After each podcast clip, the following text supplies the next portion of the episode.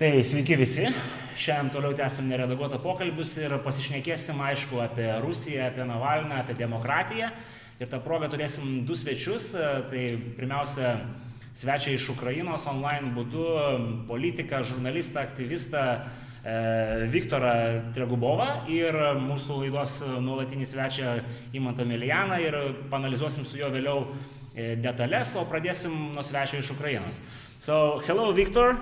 As I was saying to our uh, listeners, uh, we have a guest from Ukraine uh, online who is uh, going to give us an overview of what's, what's happening from their side of perspective in Russia.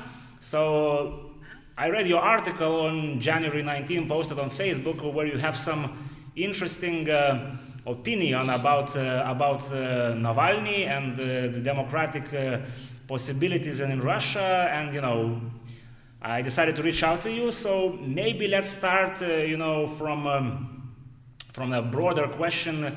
So what's happening in Russia right now? Is it something? Uh, is it a revolution like it's painted, you know, in Western media? How do you Ukrainians see it? Because uh, obviously we in Lithuania have uh, probably forgot about some parts of you know Russian mentality and uh, politics, and uh, I think that uh, there might be some misunderstanding in our media. So please let us know.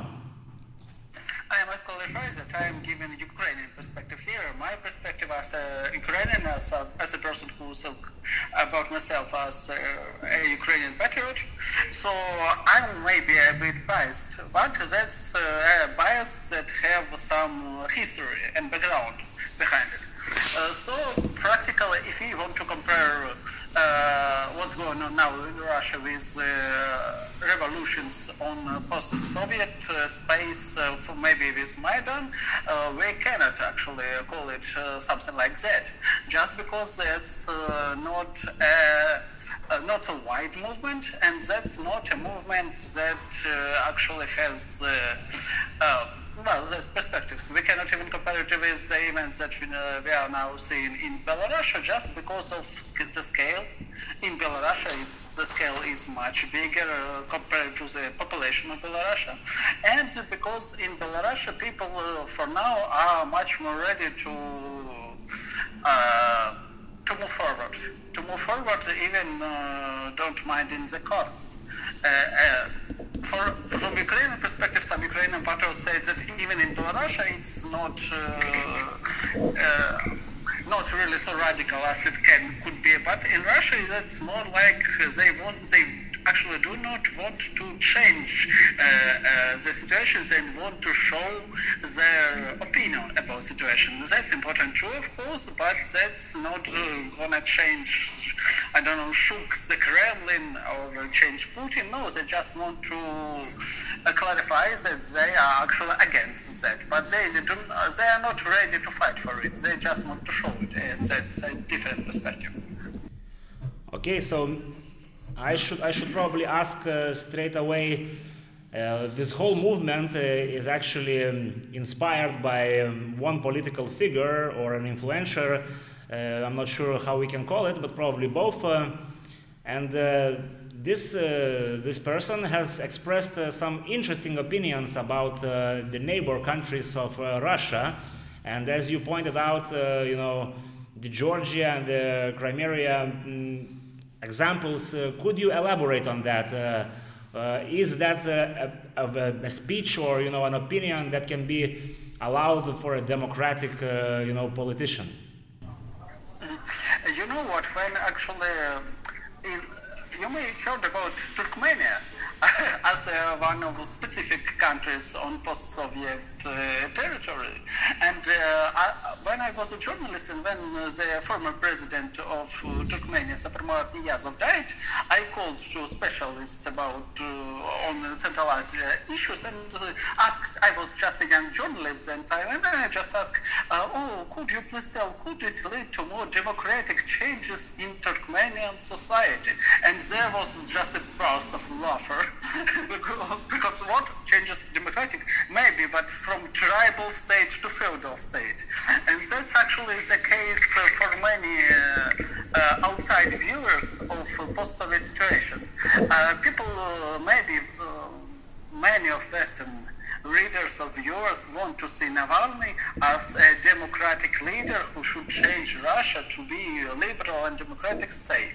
Uh, first of all, I, uh, as a person who watched uh, his actions and uh, sayings and his speeches for a long time, I couldn't call him a democrat or liberal. First of all, he's a Russian nationalist, but classical nationalists And for classical Russian nationalists, uh, in his speeches, when he actually was more sincere because he wasn't so big of influencer, so big of political speaker, he actually uh, said and thought about Ukrainians, Georgians, Central Asians. People are like trash he actually compared Georgians with rodents. He actually justified uh, Russian attack on uh, Georgia. He uh, proposed to deport all Georgians from Russia, Georgian ethnically Georgians from Russia, just because uh, of Russia attacked Georgia. He actually, when he was uh, candidate of uh, mayor of Moscow position, he a part of his program was to deport uh, 17% of uh, Central Asian workers from Moscow. So that's just a classical position of nationalist, rather radical nationalist. And uh, he actually participated even in Russian marches, uh, and Russian marches is actually far right uh, events in uh, annual events in Russia. So I cannot uh, call this person a Democrat or liberal. Of course, he is working on anti-corruption, uh, anti-corruption uh, issues, and we are trying to see, some of us trying to see here like uh, liberal intentions. But being anti-corruption activist is, isn't making you a Democrat or or maybe uh, I don't know, or maybe liberal, or maybe human rights activist. No, anti-corruption is just anti-corruption. You just want your country to be more effective. And uh, but when your country is effective in killing other people in uh, aggression against other countries, uh, the question is, do you see it wrong or not? And I'm afraid that Navalny can't see anything wrong about that. Even his position about Crimea is actually mainstream Russian position that, okay, yes, we took Crimea, it, it was maybe bad, but we shouldn't return it. For me, as for Ukrainian, as for person who actually, whose roots are from Crimea, whose childhood uh, was in Crimea and who actually fought uh, for Ukrainian independence in our war with Russia, for me, it's just, that's all I want to know about this politics for me, it's just the only thing that is important. Okay, he maybe he wants to make Russia as a state more effective. Good for him, good for Russians. But if he wants to make Russia more effective in attacks on uh, our sovereignty, well, I'm not a fan. Absolutely. So one of the other things that I, I, I read in your in your post is that um, you are saying here that he is kind of a nationalist, but uh, you're also pointing out that you know there is chauvinism and imperialistic uh, ideas in, in, in the whole in the whole Russian mentality, and uh, and you're saying that uh, it's not a problem of uh, Putin or you know different Putin, but a problem of you know the the majority of Russian citizens and, and their you know um, position of how you know the country should be run uh, about you know what their relationship with the outside world should be. Could you elaborate on that as well? You know as you mentioned you know you cannot make a, a you know the democracy in tribal state but um, obviously russia is not a tribal state but uh, what is the situation there you know with the mentality and uh, what are the possibilities? Uh, there is a stereotype, actually, and it's a big mistake that uh, Putin created some kind of Russian imperialism, chauvinism, and blah blah blah. Uh, that's not the case. Putin never created it. Putin just used it. And if you really will find the old interview of Putin of year 1996, yeah, you will see this. Interview actually a a liberal person, much more liberal than Navalny are now.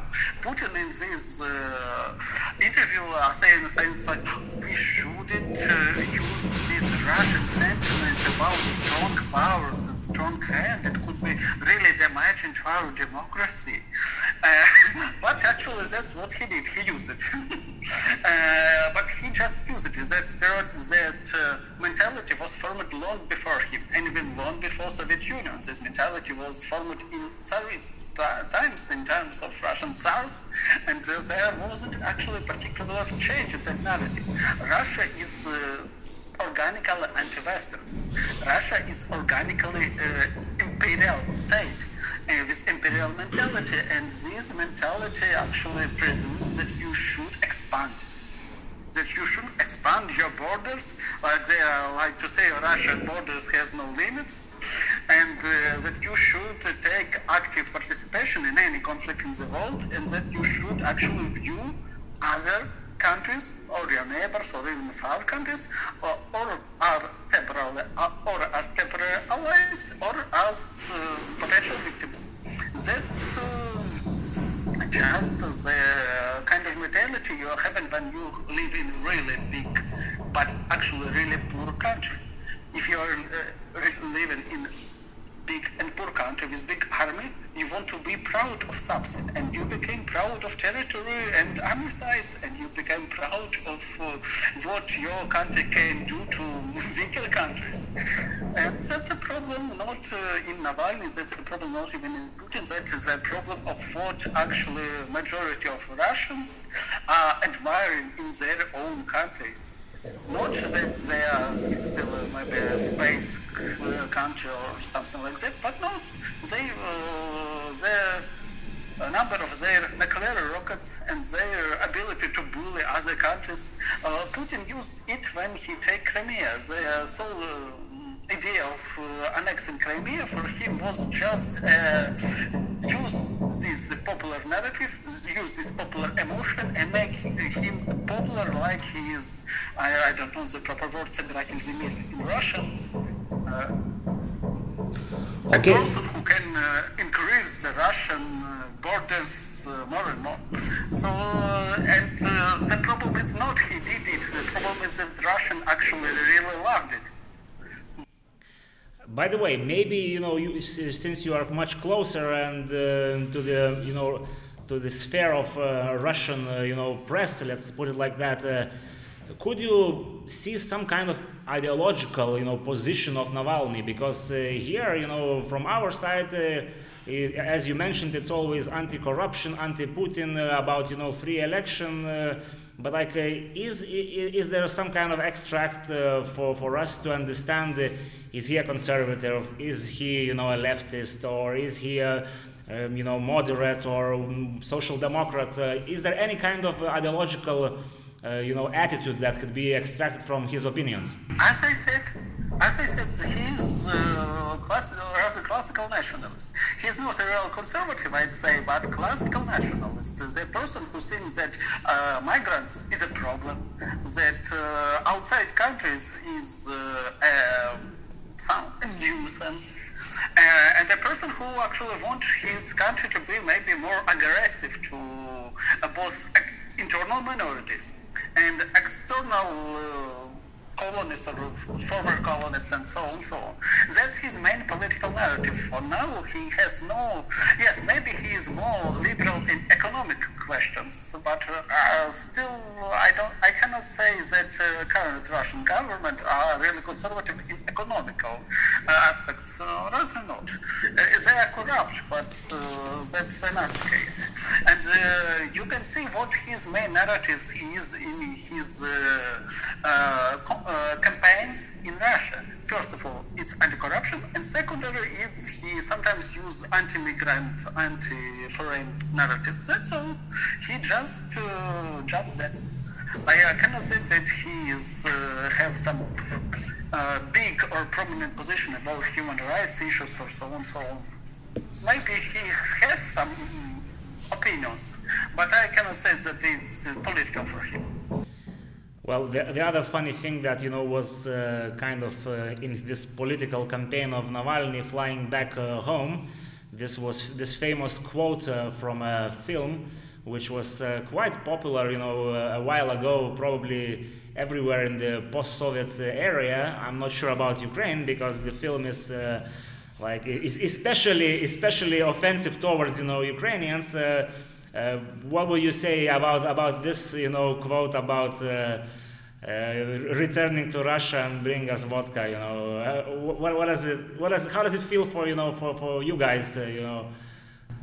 I found it more, I wasn't, I wasn't to explain to Western audience what's the problem with the film, but I found it really, really hard to even to translate in English. Uh, this film is uh, like uh, absolutely ideal uh, conception of uh, Russian, I'd say, hate, internal and external hatred.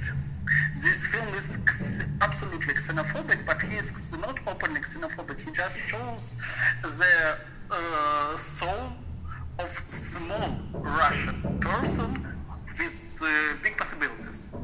For uh, actually, the main hero of this film is actually what we can see of uh, if uh, more, uh, any Russian, young Russian of that time uh, had some kind of superpowers.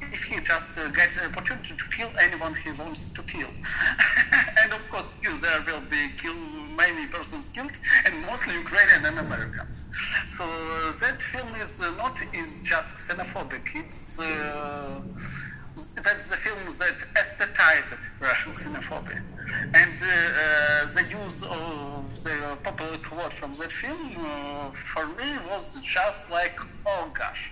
And that's like, you can imagine a person who tried to seem really, really modern and liberal and keep, it that way all, all the all his history, and then he just slipped some kind of words like ah, fucking niggers, fucking faggots, something like that. it was for me like, oh come on.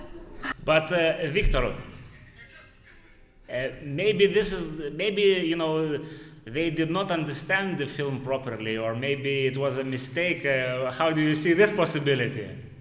I see, I see the possibilities they cannot actually understand what's the problem. It's like some people cannot understand what's the problem to call the black person with any word. Well, what, what's the problem? I'm just saying I don't mean any, I never meant any offense. It's just like we are saying in our village, blah, blah, blah, blah, blah, blah, blah. and the situation, they actually, uh, they admire that film. That film for them, I think it's just like for, I don't know, for us, uh, some classical Hollywood movie or so on, so on, and they didn't actually know that the narrative in this film is actually absolutely offensive for Ukrainians or Americans and so on. And uh, they don't see the problem. And the problem is that they don't see a problem. yeah, so, so like uh, maybe let's uh, talk about some possibilities. Uh, do you see any kind of democratic possibility in Russia? And if you see one, what would be the road, you know, for for the, for, for them? Because uh, uh, there is another interesting uh, quote. I'm not sure if I read it in your article or some other article that it might be that you know Russians need some um, you know occupation from outside, like you know some other historic uh, examples to, to basically change their um, mentality. Or of course, it, it's more like a joke, but uh, how do you see these poss- those possibilities? Uh, uh, truth to be told, I cannot imagine that.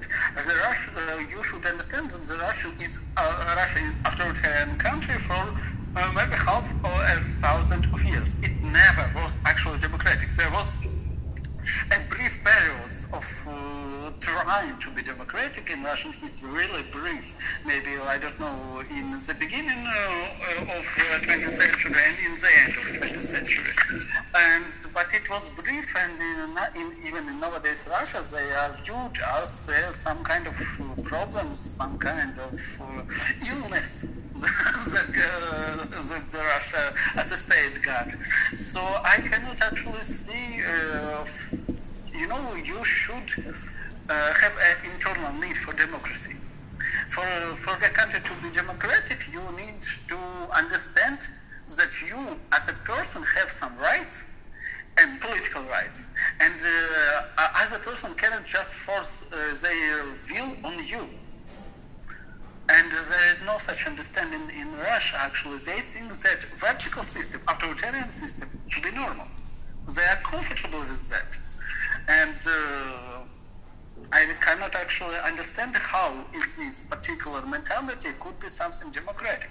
So that's the main actual difference. I try to show the difference between Russians and Ukrainians, and it's really maybe the uh, main and if, if not only, but it's really important. In Ukraine, we had understanding of uh, our internal uh,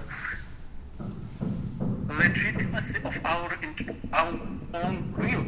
In Ukraine, we see the power, I know, I mean state power, as something we delegate. That's uh, element of our mentality because we are mostly we are was a farmer nation, and when you are a farmer nation, peasant nation, you view like uh, even your president as a kind of village head. You uh, somebody who just uh, uh, act because you uh, chose him and uh, him to act like that. And uh, Russian within their mentality always see even uh, president they formally choose as a king, as a person who can impose his will on them no matter uh, what in constitution are written. And I cannot actually see that this is going to be fixed in uh, in any time. That's just a question of how you perceive reality. That's a question of how you want your country to be organized. And I cannot find in Russians this internal need to reorganize their country to more liberal ways. I can see the need to make their country richer, more effective, less corrupt. That's good.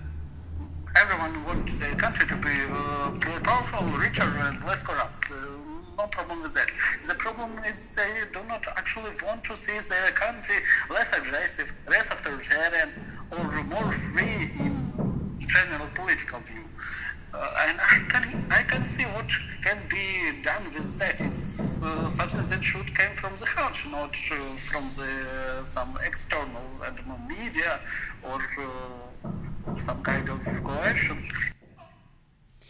So you know, for, for the for the finish of our chat, uh, I have to ask this: um, Do you see a possibility that uh, Navalny is kind of being groomed as the next, you know, autocrat, as, an, as the next leader in Russia? You know, it's more like a, you know. Um, like a view which is on the outskirts of you know this uh, political uh, main opinion, but like uh, is is that possible that we will see Navalny as the next Putin in Russia? Uh, well, I don't, uh, I don't actually think that he can uh, rise to the power. but if he really, as I said, Putin in 19, 90s was actually much more liberal person. Well, maybe seemed, maybe wanted to seem more liberal person. Uh, but Navalny even do not want to to fake it. Even don't want to seem a liberal person. So I afraid, uh, you know, if you uh, any person can be changed by a throne he sits and the kremlin throne uh, change uh, even literal liberal person actually became authoritarian when they come to power in Russia. And Navalny isn't a liberal person in the basics. So I think, yes, I think if he will be given the power, uh, if given the power, he will be some kind of not even Putin, but something more authoritarian and less uh, ready to talk and less ready to hear other people's opinions. Come on, he's Narcissus. You, you see that you can see that he's a real Narcissus, and. Uh, and that's the problem. Maybe not for him, but for the persons who will work with him. All right, Victor. So we were very, you know, glad to hear an opinion from outside. Uh, thanks a lot, and I, I, guess you know our viewers also, you know, will uh, take something out of, of it, you know, to to, to consider. So uh, it was a pleasure, and uh, thanks again.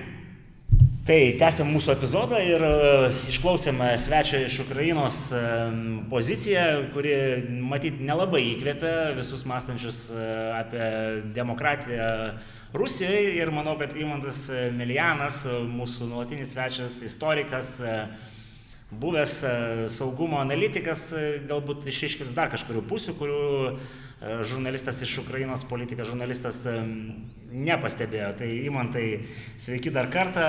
Tai Labadiena. Pabandykim panalizuoti giliau šitą visą demokratinę kelionę, kuri yra piešiama Navalno. Kaip jum atrodo, kas čia vyksta?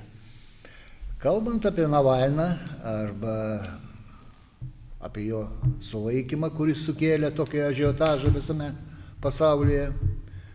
Turbūt pirmiausia, reikėtų turėti omeny, e, kad e, Putinas yra blogas ne todėl, kad jis yra vardu Vladimiras Vladimirovičius Putinas, o todėl, kad jisai vykdo imperinę ir šovinistinę vidaus ir užsienio politiką. Tai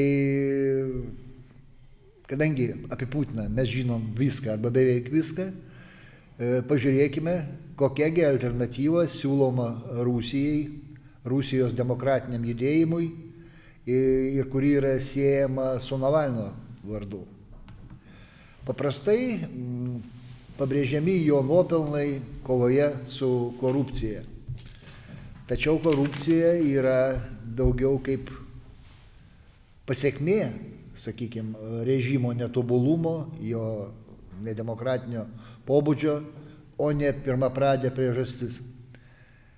Čia mes galim prisiminti dar 96 metų rinkimus Rusijoje, kai į prezidento postą be kitų kandidatavo e, kriminalinės kilmės e, farmacinės pramonės magnatas Brancalovas kurio programa buvo labai paprasta. Visus pasodinsiu. E, panašių laikų darbiškai anksčiau e, su panašia frazeologija atėjo valdžia Gudijui Lukašenka.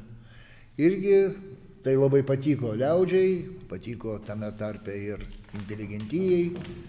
Visi skaitė, kad e, Tai yra svarbiausia, bus pažabota korupcija, reiškia, ir kitų problemų neliks. Paskui paaiškėja, kad viskas ne visai taip, bet buvo jau vėlų.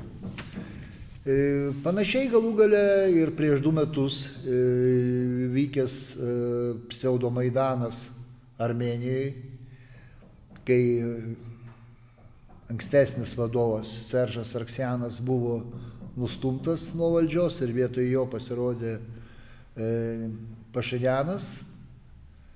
Pastarojo irgi pagrindiniai visi šūkiai buvo antikorupciniai. E, kitaip sakant, nieko naujo, tai nereiškia, kad korupcija yra gerai, bet vien šito maža. Tai tada pažiūrėkime, koksgi yra tas e, politinis bagažas Aleksėjaus Navalno. Čia mes turim prisiminti, kad Jisai ilgą laiką dalyvavo vadinamosiuose rusų maršuose. Arba buvo net vienas iš jų organizatorių. Apšvieskit, kas tie rusų maršai. Rusų maršai tai yra daugiausia jaunimo, šovinistiškai nusteikusio jaunimo e, viešos akcijos, kurios būdavo nukreiptos e, pirmiausia prieš migrantus iš Kaukazo ir Vidurinės Azijos šalių, bet tarp eilučių galima buvo įžiūrėti tenai ir antisemitizmą, ir kitas ksenofobijos formas. Ir dažnai, beveik visada, tie rusų maršai Maskvoje ir kitose didmešiuose pasibaigdavo pagromais, kurių metu atsirasdavo vienas, du arba dar daugiau negyvėlių iš tų darbo migrantų e, tarpo.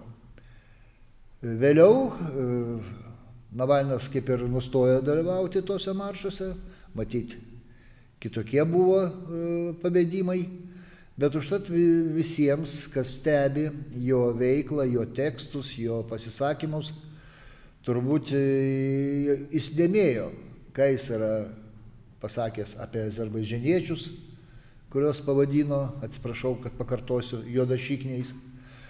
E, kai jis yra pasakęs dėl kartvelų, kai Sakartvelas buvo užpultas 2008 metais Jisai pilnai sveikino Rusijos agresiją, siūlė deportuoti iš Rusijos visus kartvelus ir daug kitų grožybių pasakė. O ką ir girdėjome iš mūsų ukrainiečių svečių, panašius dalykus. Taip. Pagaliau dabar, kai, nu jau ne, jau ne dabar, kai Rusija įsiveržė į Ukrainą, kai buvo aneksuotas Krymo pusėsalis, tai vėlgi mes sulaukėme antiukrainietiškų Navalno išpolių, ypač visiems yra turbūt neblogai žinomas jo pasisakymas, kad Krymo pusėsalis tai nėra sumuštinis su dešra, kurį galima paimti, paskui vėl gražinti. Kaip tai reikėtų suprasti šitą posakį? Tai reikėtų suprasti, kad nu, jeigu jau Rusija paėmė tą sumuštinį, tai negi dabar atsikandusi jį gražins atgal Ukrainai. Nu kažkas panašaus. Esmė ta pati. Gražinti Krymo nereikia. Pagaliau vienas iš paskutinių jo akibrokštų, tai pasisakymas apie gudų arba baltarusių, kaip daug kas sako, kalbą kad gudų kalba tai yra kažkas fantastiško. Pavyzdžiui, žodis restoran, būtent kaip gudiškai per E ir restaran. Reiškia, kad susidaro įspūdis, čia Navalno žodžiai, kad šitą kalbą išrado hačikai su padugnėm. Kas yra hačikai gal? Hačikai yra žeminantis armėnų toksai kaip pasakyti, pravardė armėnų. Panašiai kaip labusai lie- lietuviams, pšekai lenkams ir panašiai. Tai kaip matom, geografija nemailės e, kitataučiams yra labai plati, jinai ne, negalima susijęti su vienu kažkokiu regionu, ką dar galima būtų paaiškinti istoriškai galbūt ar ką bandyti paaiškinti, arba su viena kažkokia religija.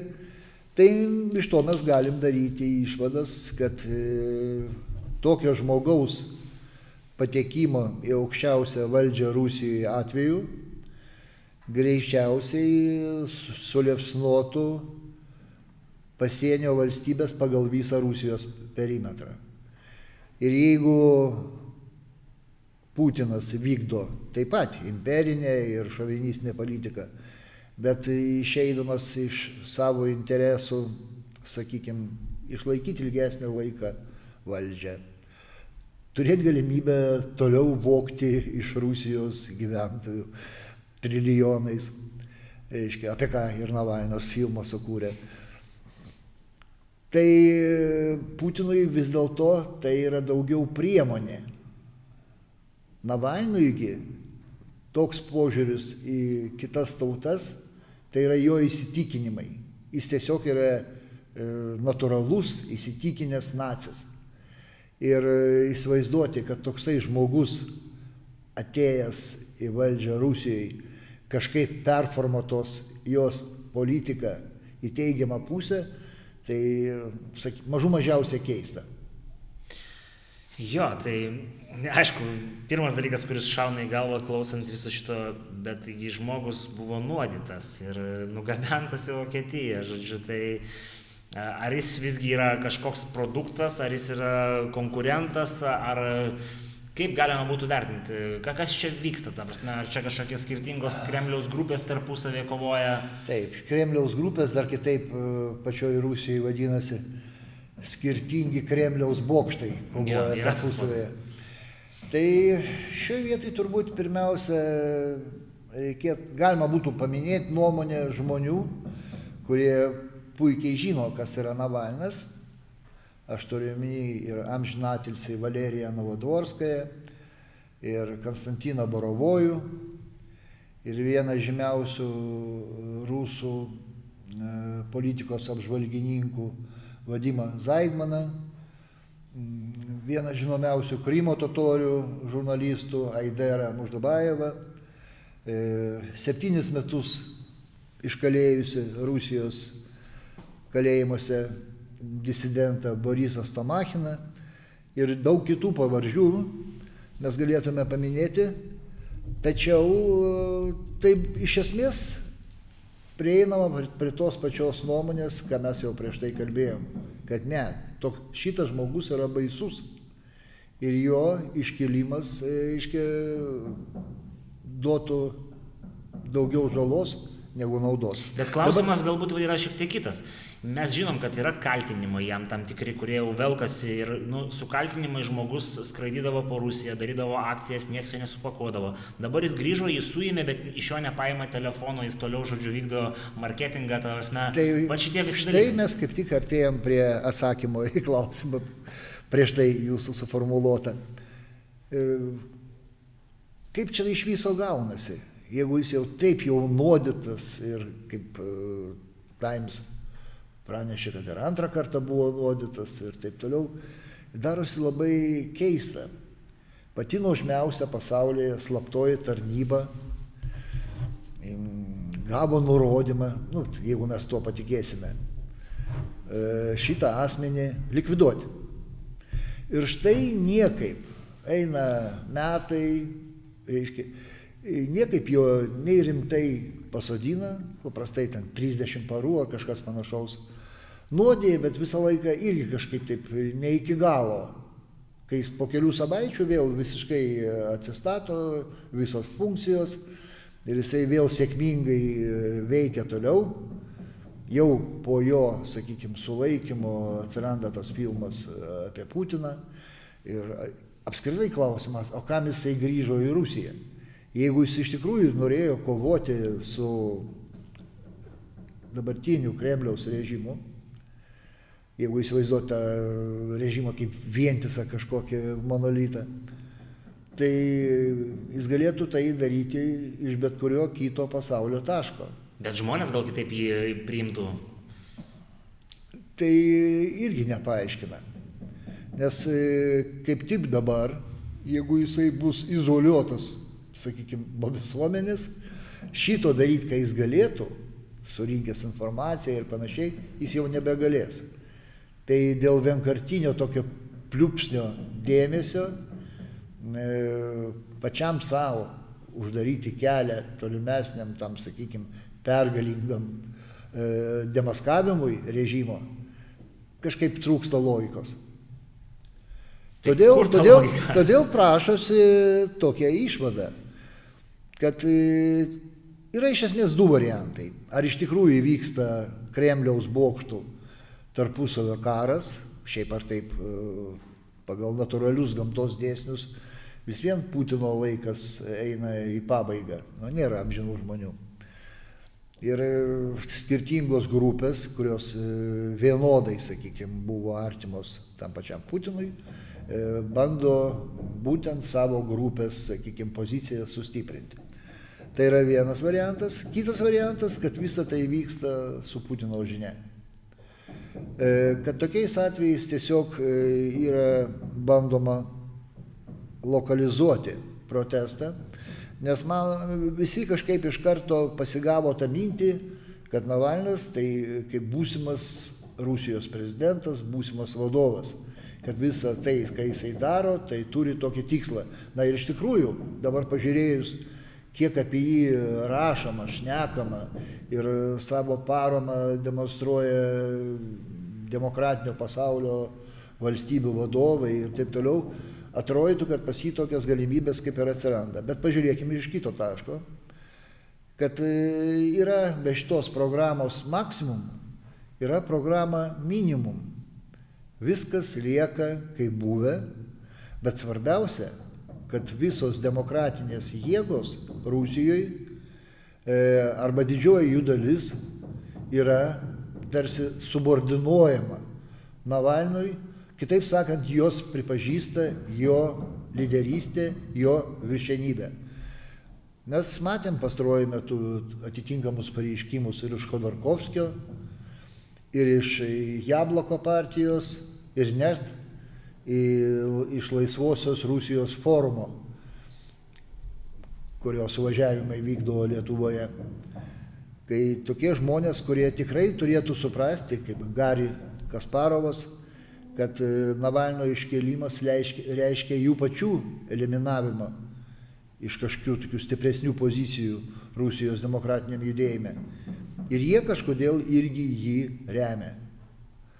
susidaro įspūdis, kad jie suprato paprastą tiesą. Blogybė Rusijos ir jos e, grėsmė likusiam pasauliui, likusiai žmonijai yra tame, kad e, vadovas, koks yra dabar Putinas, ir tauta, jos didžioji dalis, nesvarbu ar pavadinsim tai tauta, ar visuomenė, ar populiacija, tai e, atitinka kirvių skotą.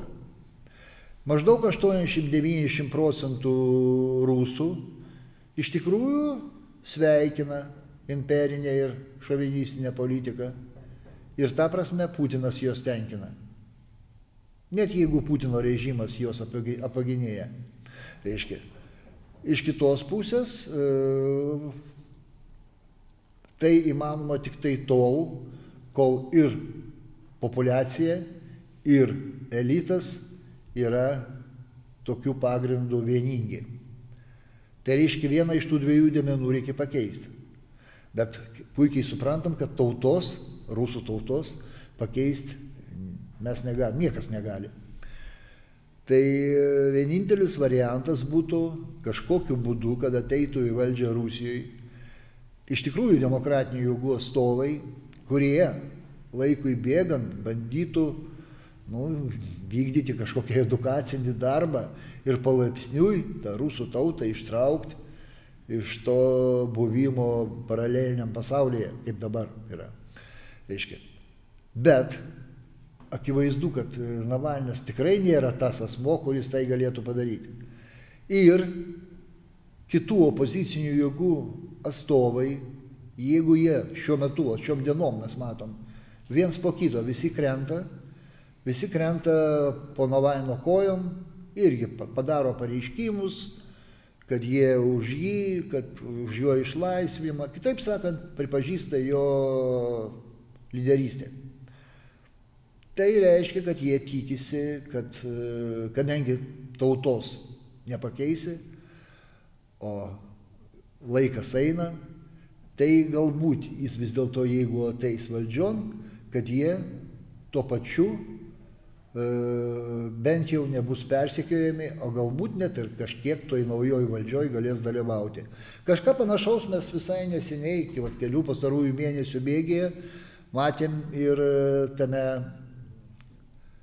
Gudijos pseudomaidane, kai iškilusios trys simpatiškos moteris, štai jos naujos neva opozicijos lyderė, lyderės ir jau kas kas, o senosios opozicijos, kuri ketvirtį amžių e, beveik kovojo su Lukašenka, tos opozicijos atstovai tikrai e, turėtų suprasti, kas iš tikrųjų vyksta. Bet irgi kai kurie iš jų nuėjo pas e, Cikhanovską, sakykime, į, jų, į jos štabą, į jos struktūras.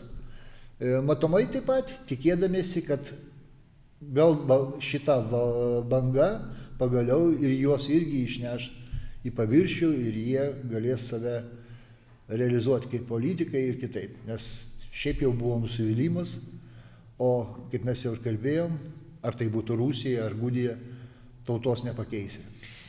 Bet tai čia yra klausimas tada toksai.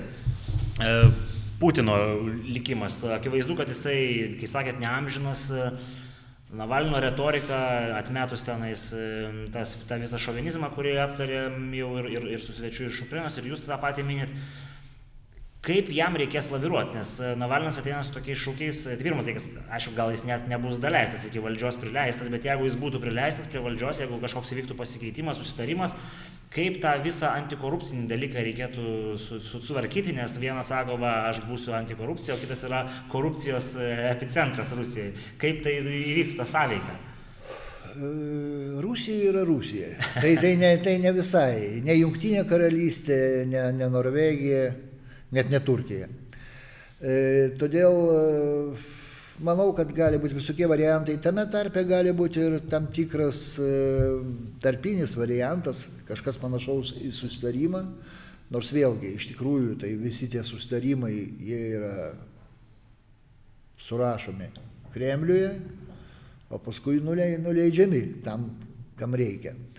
Ir galėtų būti kažkas panašaus kaip Kazahijai, kai sugalvojamos kažkokios naujos pareigos, kur net nereikia e, šito žmogaus rinkimuose, nereikia rinkti, aš turiu menį Putino, bet kurios na, vadinasi labai taip irgi kažkoks tenai nacionalinis lyderis ar dar kitaip.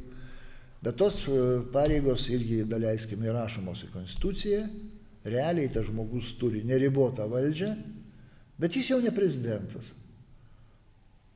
O į prezidento vietą įsileidžia, daleiskim, tą patį Navalną. Bet sistema, iš tikrųjų sistema e, visą tai kontroliuoja. Reiškia, o tuo pačiu, reiškia, dar yra atliekamas kažkoks tyrimas ir paskui paaiškėja, o kad visi šitie rūmai ir nepriklausė Putinui, kad tai yra Rusijos liaudės nusavybė, Rusijos federacijos turtas. Kažkas panašaus. Jo labiau, kad tokį pareiškimą ir Peskovas, ir pas Putinas jau padarė. O Rusijai visada egzistuoja ne viena tiesa, o keletas. Dvi, tai mažiausiai, ne, dvi, nebūna taip, dvi labai mažai. Trys, keturios, septynios, dvylika ir jos daug maž lygiai vertės, visos jos tiesos, bet kadangi jų yra daug, reiškia iš tikrųjų jos tiesos būti negali. Reiškia, geriausiai atveju viena iš jų tiesa, o galiausiai pasirodo, kad ir tos, tos vienintelės nėra. Visos tai yra melo formos, kurios siūlomos liaudžiai ir liaudis pagal savo nuovargio laipsnį nuo tos demagogijos pasirenka vieną arba kitą variantą. Manau, kad bus pritaikytas e, toksai vat, irgi būdas situacijai, kaip sakoma, iš, iš situacijos išvairuoti. Tai jeigu aš teisingai suprantu, jūs sakot, kad e, Navalnas yra projektas, greičiausiai projektas, o ne kažkoks iš šono išsikovojęs teisę būti balsu opozicijos veikėjas. Mes turim daug pavyzdžių, e, kai veikėjai vienokie ir kitokie, reiškia, kurie pradėdavo savo visuomeninę politinę veiklą, jau taip galima pavadinti, savarankiškai, bet įvykus tam tikriems e, kontaktams priverstiniams su specialiom tam tikrom struktūrom, paskui jie pradėdavo vykdyti, vykdyti jau tai, kas jiems yra pavesta. E, panašu, kad ir Navalnas irgi perėjo per šitą etapą.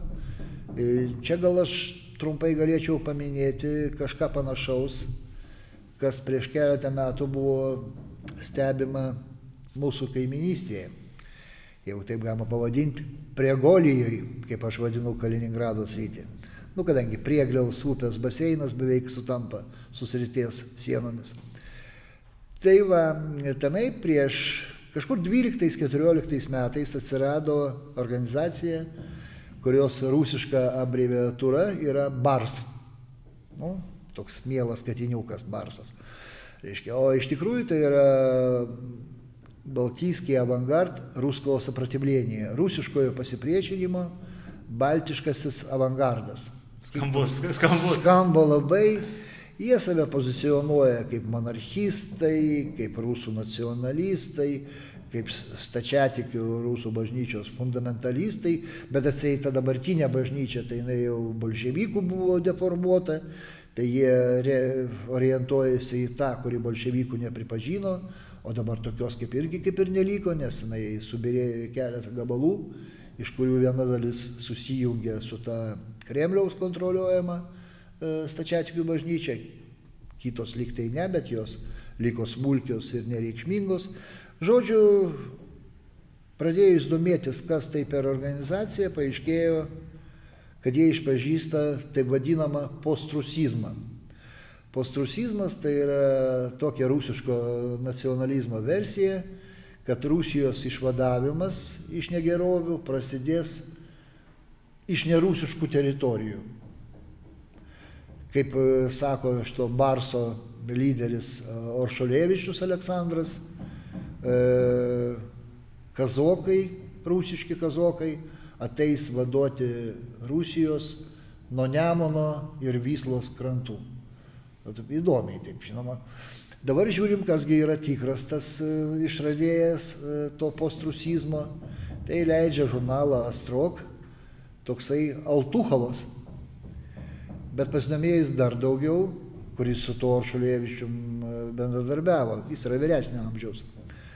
Pasirodo, tas Altuchovas yra Rusijos VRM pulkininkas, dirbantis skyriuje, kuris nu, paskirtis kova su ekstremizmu.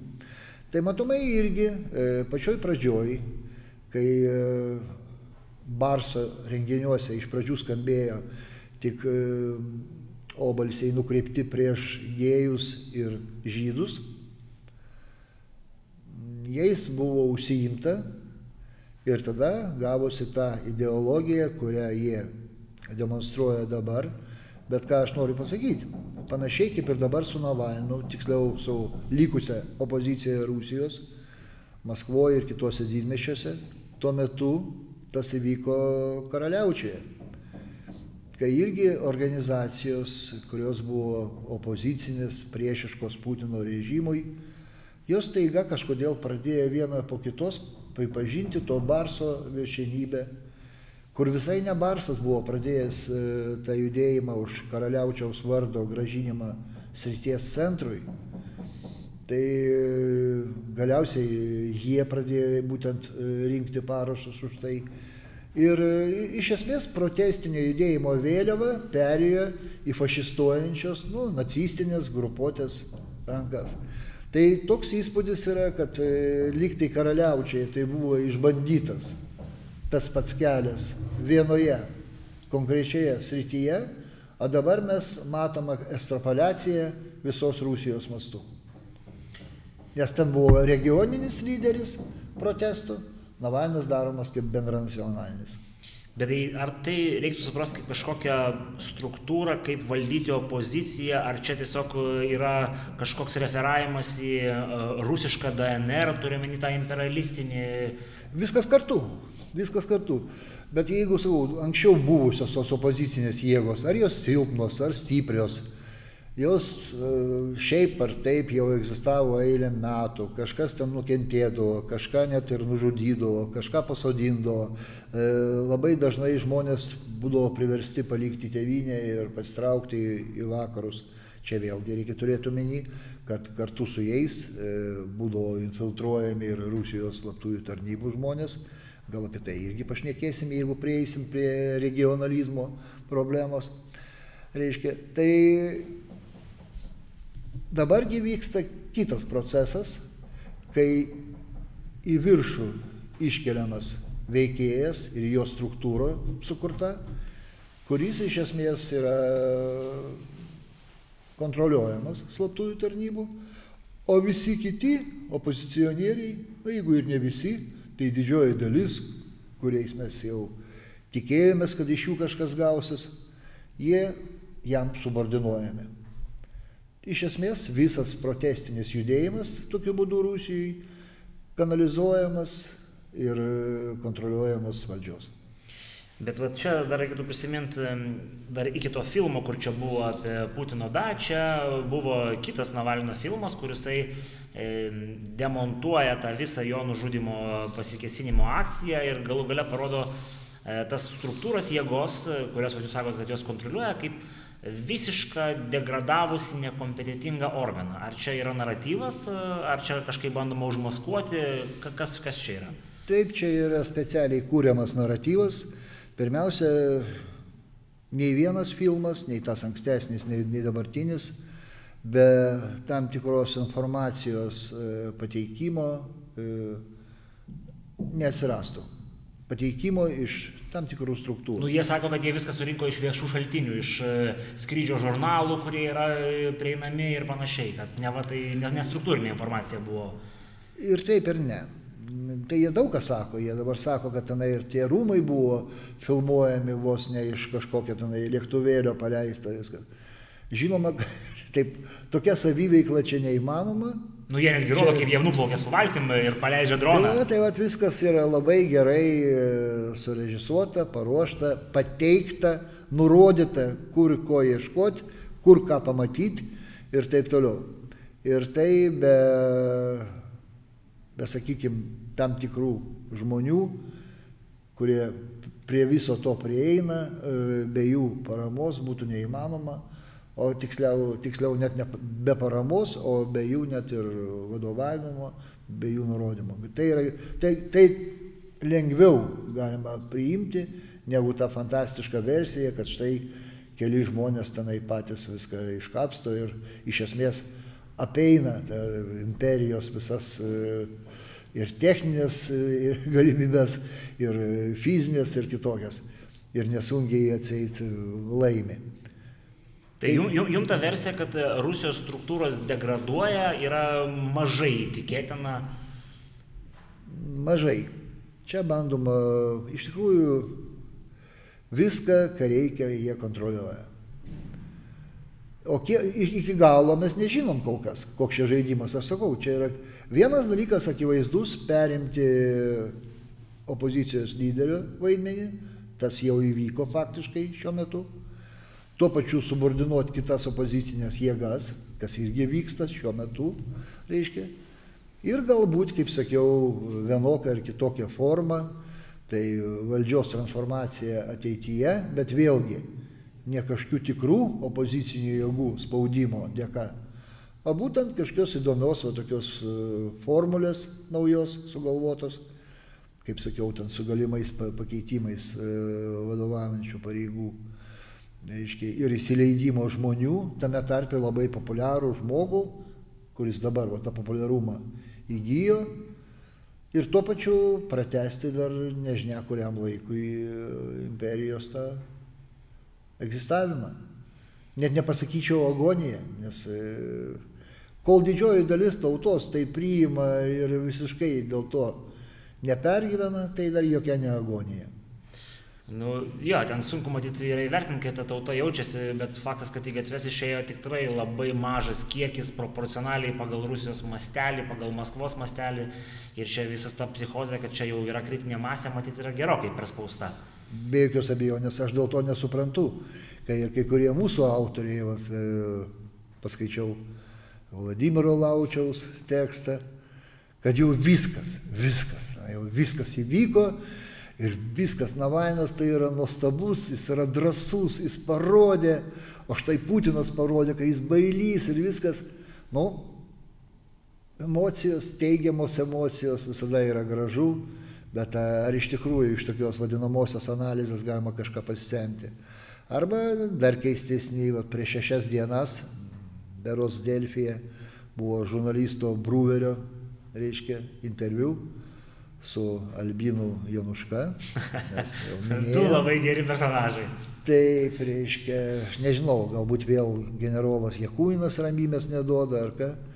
Ir esmė tokia, ir dėl Navalno, o ypatingai buvo grįžta prie Gudijos įvykių, kad čia nepakankamai vakarai ir Lietuva, vat, būtent ne, nepakankamai atseit čia parodė savo tą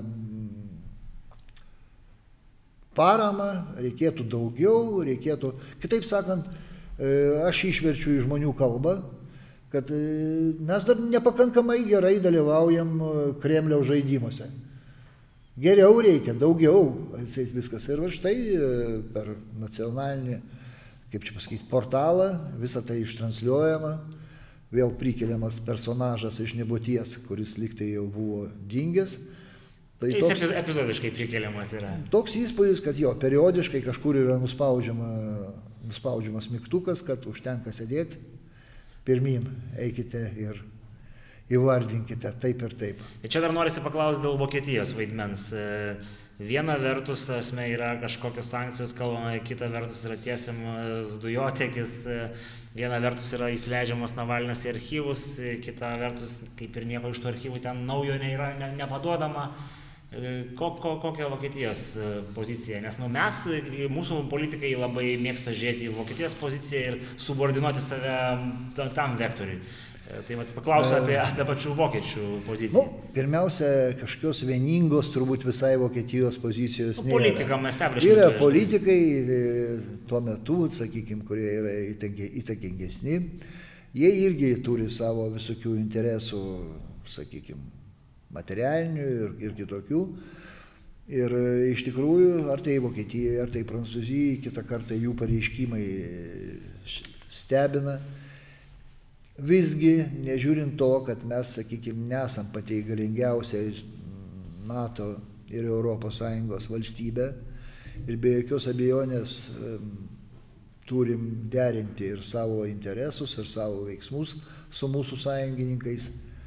Tačiau grįžtant prie Navalno temos, arba prie tos pačios Gudijos mm, pseudomaidano temos, e, mes turim nepamiršti, kad jiems tai yra kažkur toliau, tai yra didelė dalim teorija, o tik po to praktika.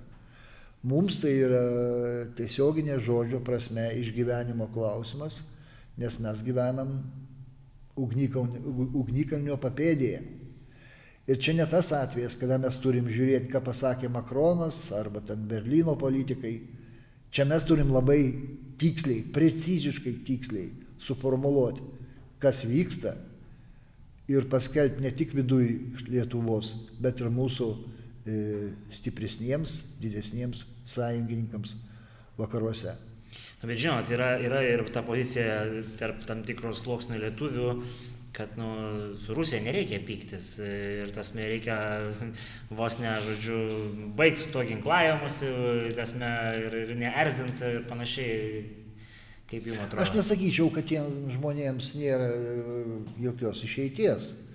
Jeigu jiems taip nemiela gyventi toj Lietuvoje, kuri turi savo poziciją, mm, kuri yra iškentėta iš mūsų istorinės e, patirties, kuriems nemiela mūsų ta narystė vakarų euroatlantinėse struktūrose, tai kam kankintis ir bandyti e, pertempti per sieną visą Lietuvos teritoriją, lengviau patiems supakuoti lagaminus ir įspręsti klausimą. Kur nors Kostromoje būtų laukiami. Gerai, paminėjot, e, čia aišku būtų galima įsiplėsti, bet e, neįsiplėskime, nes jau kita tema, matyt, būtų apie tą, kas liaudiškai vadinama vata ir, ir kiti epitetai.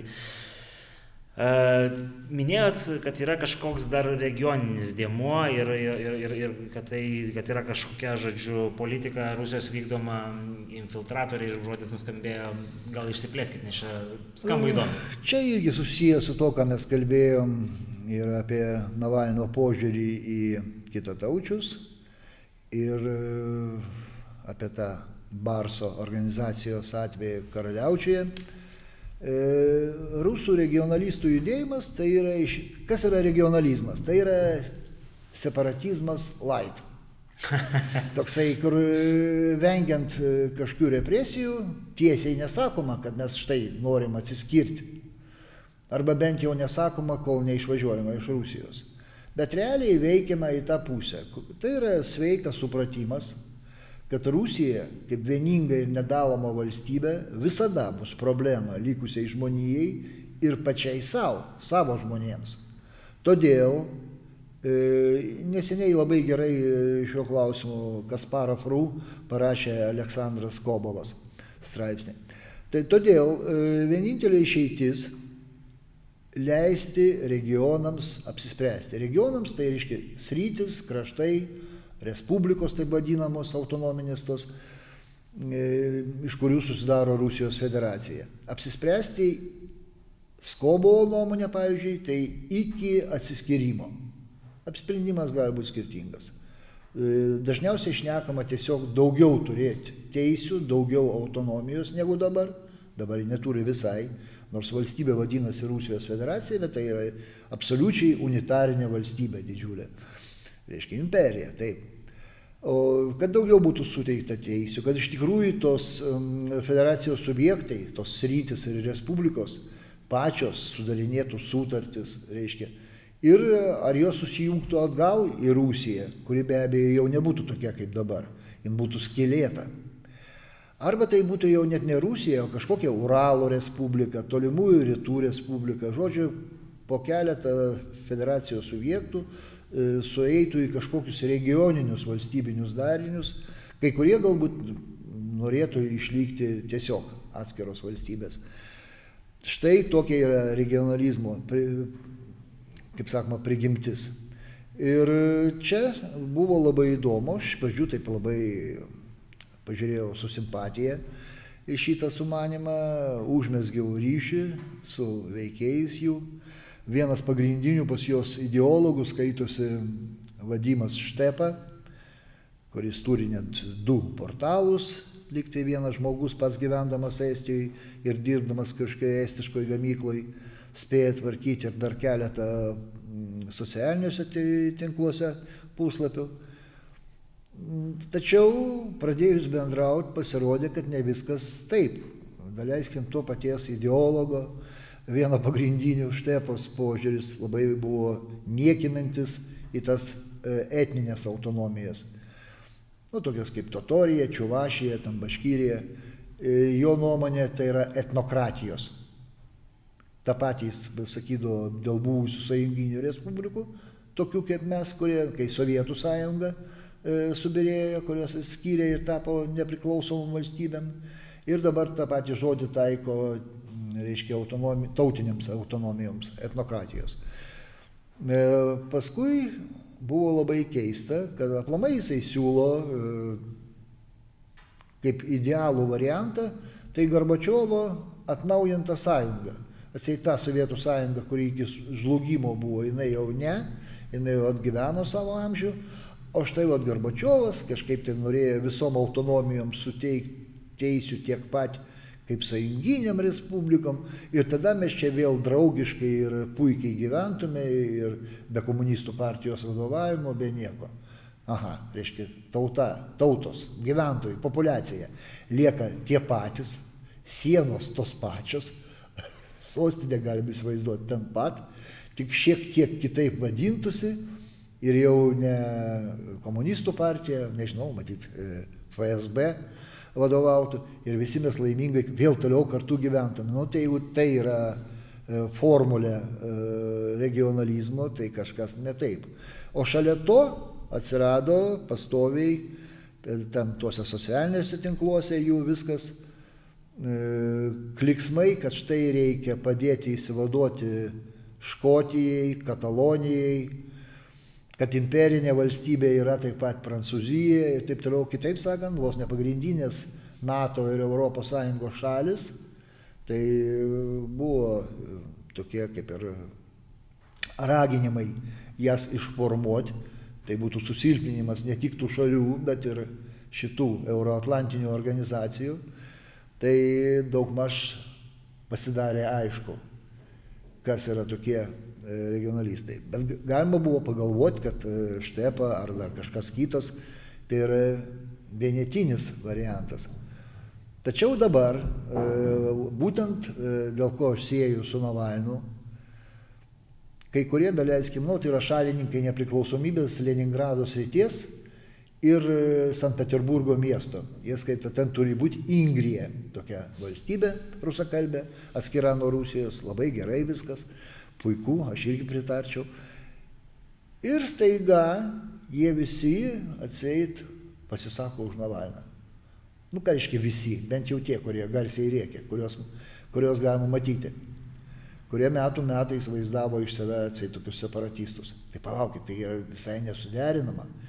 Jau Navalnas tai tikrai, jeigu jis ateis, tik tai dar daugiau tas varštus suverš Rusijos imperijos nebus jokios tenai e, konfederacijos, jokio, jokios galimybės pasirinkti savo kelią atskirai ir taip toliau. Ir dalis iš jų, kaip sakiau, sėdi kas Estijoje, kas Lietuvoje, kas Lenkijoje. Ir Lietuvos sėdinčių yra. Taip, taip. Tame tarpe, va štai iš tų e, Ingrijos regionalistų, kurie tuo pačiu pasirodo sveikina naciją. Tai nežinau, ar kas nors e, yra pas mus kažkokios struktūros, ar kas turėtų tos dalykus galų galę ir nagrinėti. Ir šiuo atveju žiūrėti kiekvieną žmogų, nes neaišku, ką mes čia, ką mes čia priimam ir kas iš to gaunasi. Jau, vat, pavyzdžiui, iš e, ponios Cichanovskojos turėjome visokių akibarktų, kai iš Lietuvos teritorijos yra skelbiami ultimatumai kaiminiai šaliai, nugi kaip suprantama, Suprantama, kad tai yra suderinta su Lietuvos valdžia. ko aš labai abejojau, ar iš tikrųjų buvo su mūsų užsienio politikos vedliais suderinti tokie dalykai. Arba štai neseniai jinai pasiūlė savo šalį pavadinti lietuviškai neištarimų žodžiu Belaruse. Būtent taip kirčiuoti turbūt reikėtų. Ir kai kurie mūsų vadovai iš karto... Norėjo keisti pavadinimą. Kad jo gerai, jeigu tik tai bus toks pasiūlymas suformuoluotas, mes čia nagrinėsim visas. Kažkodėl pamirštama, kad mes turim seną lietuvišką pavadinimą šitai tautai ir šitai šaliai, gudai, gudija, reiškia, jokia ne Belaruse, reiškia, tai viskas. Nu tai tiesiog dar kartą parodo, kad mes ne visada žinom, kas šalia mūsų, mūsų žemėje vyksta.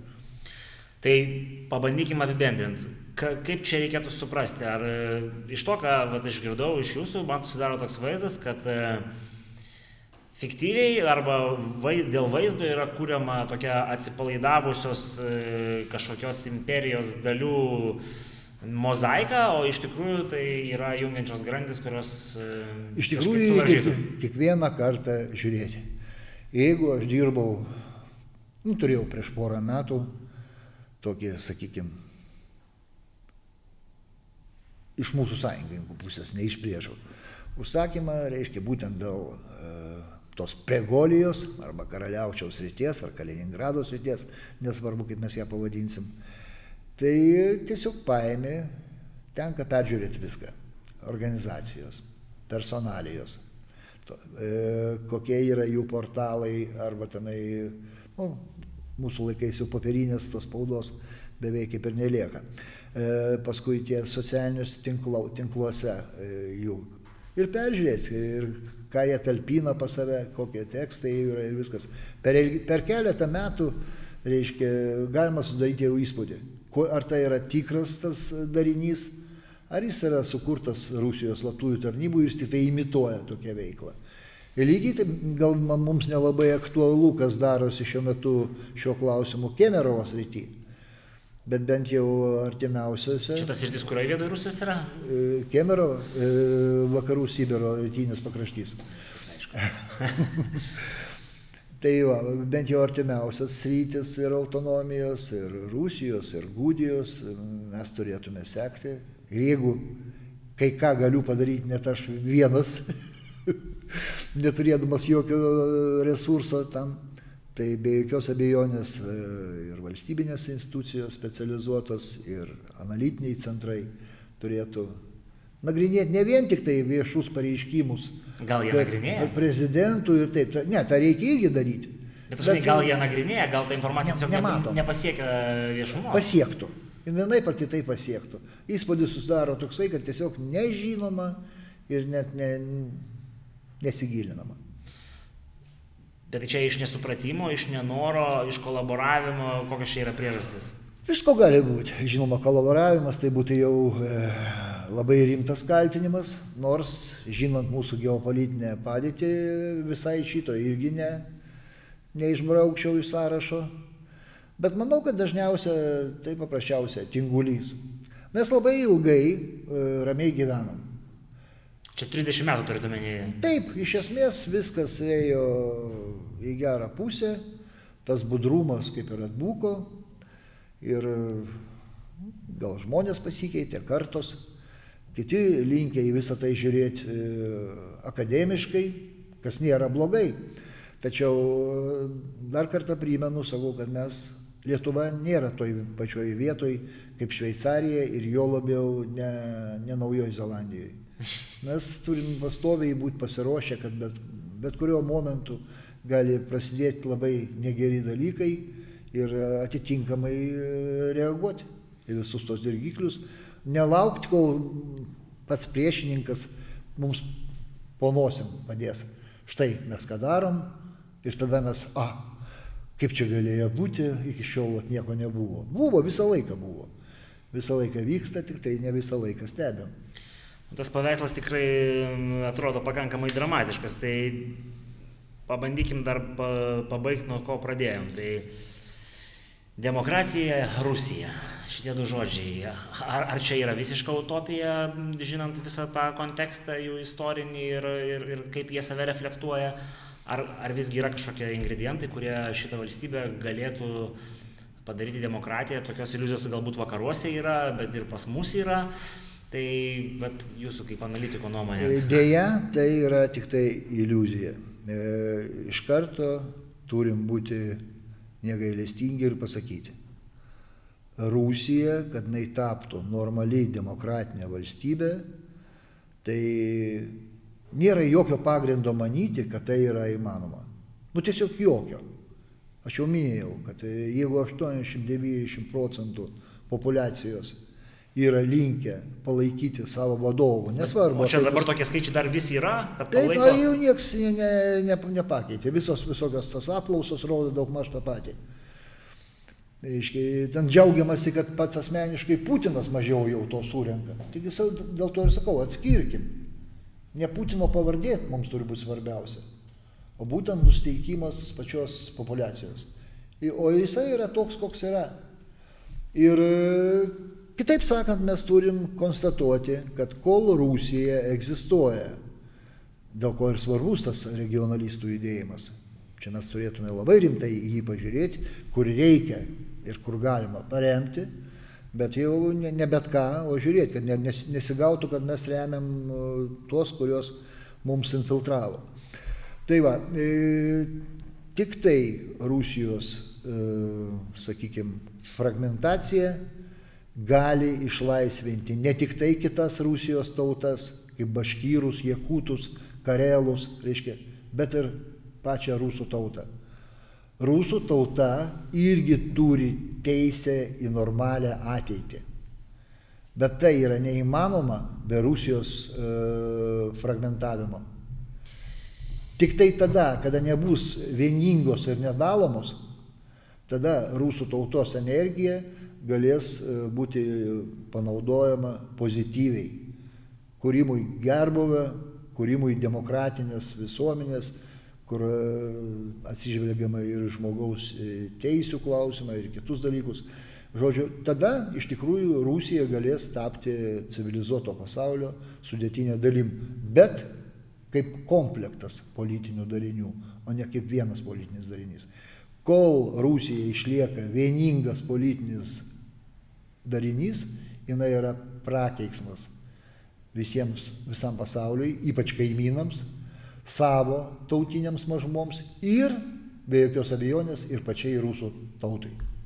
Tačiau tada, va šiaip pabaigai norisi, kadangi visai neseniai buvo epizodas Bačiulio, kur irgi buvo kalbama šitą temą ir jis ten iškelia tokią mintį, kad e, vakarams, Vokietijai, tasme, Prancūzijai, tai pačiai Amerikai, fragmentuota skeldinti Rusiją yra tragedija. Jie dėl to bijo, neleistų to jokio, jokių būdų, nes yra, yra brandolinė valstybė ir neaišku, kas galėtų nutikti su brandoliniu ginklu. Dėl to, jeigu jinai praeitų aižyti, jie darytų viską, kad tą aižėjimą kažkaip tai sulibdytų atgal.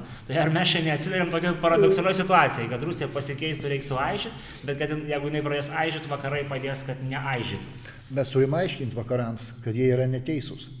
Mes patys esame vakarai. Mes Nu, nu, esame į- NATO. vakarus Aš supratau. tai e, šioje vietoje būtent e, galų galę paprasčiausia mes turim pavyzdį duoti iš, iš to Sovietų sąjungos subirėjimo. Tai yra du Rusijos birėjimo etapai. Kas buvo Sovietų sąjunga?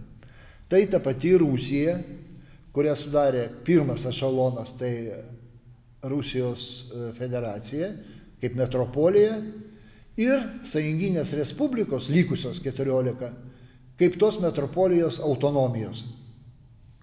Mhm. Tai buvo nubirėjimas šitų autonomijų, dabar eina kalba apie antrą etapą, apie visišką mm, fragmentavimą šitos, šito baisaus darinio, jau, jau iki smu- smulkesnių dalykų. Ir nieko, nieko neįvyko.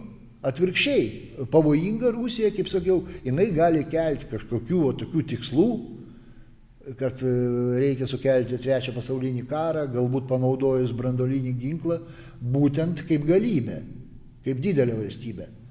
Bet jeigu tai bus, daleiskim, e, Zalėsės Respublika, į kurią įeis e, keturios, penkios centrinės Rusijos rytis kartu su Maskva, Tai ar, ar tai bus jie jau aktualu?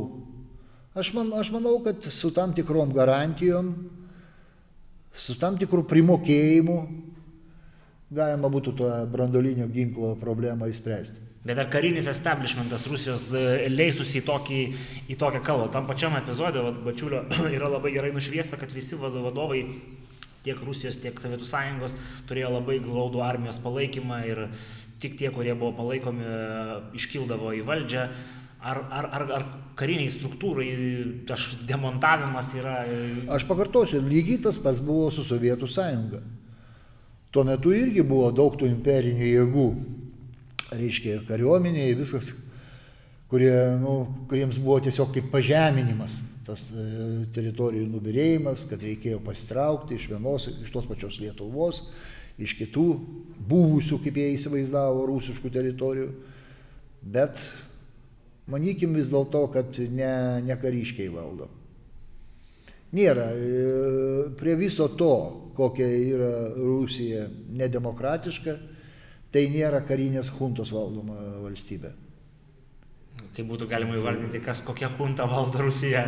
Nu, tai vagių hunta, paprasčiausia vagių hunta, kuri, kaip sakiau, trilijonais vagia iš savo tautos, iš savo populacijos, o tam, kad tą populaciją nuraminti, jai, jai numetamas kaulas tos e, imperinės didybės. Štai vyksta teritorijų rinkimas, nežinau, vėlgi pas mus niekas nerašo, kad idėja sąjunginės valstybės Rusijos ir Gudijos transformuojasi į praturtintą idėjos variantą, kad tai bus sąjunginė valstybė Rusijos, Gudijos ir Armenijos. Jau pasirodė visai per trumpą laiką, jau pasirodė visa krūva straipsnių, tame tarpe ir armenų tautybės autorių, kurie, sakykime, yra žinomi armėnų bendruomeniai arba Armenijos Respublikoje, žiūrint, kurie gyvena Rusijoje ir Armenijoje. Ir tenai mintis tokia, kad Armenijai kito kelio nėra. Čia vėlgi paduodama, kad čia ne Kremliui reikia, čia Armenijai reikia. Kad jinai atsės priešų apsuptyje ir vienintelis variantas užtikrinti, reiškia, armėnų tautos išlikimą tai prisijungti prie Rusijos, o tiksliau prie Rusijos ir Gudijos e, tos trygumos tokios, reiškia, jungtinės valstybės ir tada, tada viskas bus gerai. Ir dabar, kai atsirado visa tai, visai kitaip atrodo ir situacija Karabache, kodėl Maskva tada taip staigiai įsikišo, privertė sustabdyti pergalingą Azerbaidžiano kariuomenės žygį kodėl buvo išsaugotas tas keistas darinys sutraiškito moliusko formos, reiškia, ant žemėlapio, kuris šiaip liktai jokios perspektyvos neturi ir jo išlikimas yra savaime absurdiškas. Absurdiškas atrodė tuo metu, kai visa tai įvyko. Bet e, kalbant apie tą trijų dalių, reiškia, sąjunginė valstybė. Visiškai neligiavertiško dydžio. Absoliučiai. Nei dydžių, nei gyventojų skaičius, nei ekonominio potencialo, nei militarinio potencialo, nieko. Tai jau kitaip atrodo. Čia iš toliau tęsiamas tas uh, uh, процесс собирания русских земель.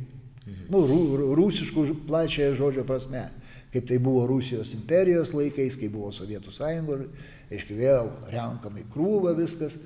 Ir čia gali Putinas ar kas tenai vokti kiek, no, kiek nori. Tauta bus užhipnotizuota tos įsivaizduojamos didybės, didybės ir galybės atkūrimo ir sautas gali tęstis iki begalybės. O Navalnui vietos suras, jis savo funkciją atliks, e, garai iš katilo bus išleisti, reiškia, kad alternatyva e, Putino režimui tai bus paaiškinta, kad alternatyva yra tik tai viena, kad Putino liktai aplinka vokdavo, o štai Navalnas demaskuodavo. Bet visi kiti pagrindiniai vidaus ir užsienio politikos klausimai, visi atsakymai į tos klausimus lieka tie patys - imperiniai ir šovinistiniai. Tai čia suderinti vien tik tai, tai kas vogia, kas demaskavo, manau, tai bus ne pats sudėtingiausias e, klausimas, kurį reikia įspręsti jiems. Tai ką, man tai matau, kad mes e, artėjom prie pusantros valandos, e, dar neilgiausias epizodas, kurį esame įrašę, bet bet kokiu atveju gana ilgas. Manau, kad visi, kurie iškentė iki galo, susidarė tam tikrą nuomonę, kuri gerokai skiriasi nuo to, kas yra Delfija, LRT, 15 minučių apie tai, kas vyksta ir kokia demokratija čia ateina su Navalno figūra. Tai noriu padėkoti pirmiausia įmantui už, už laiką.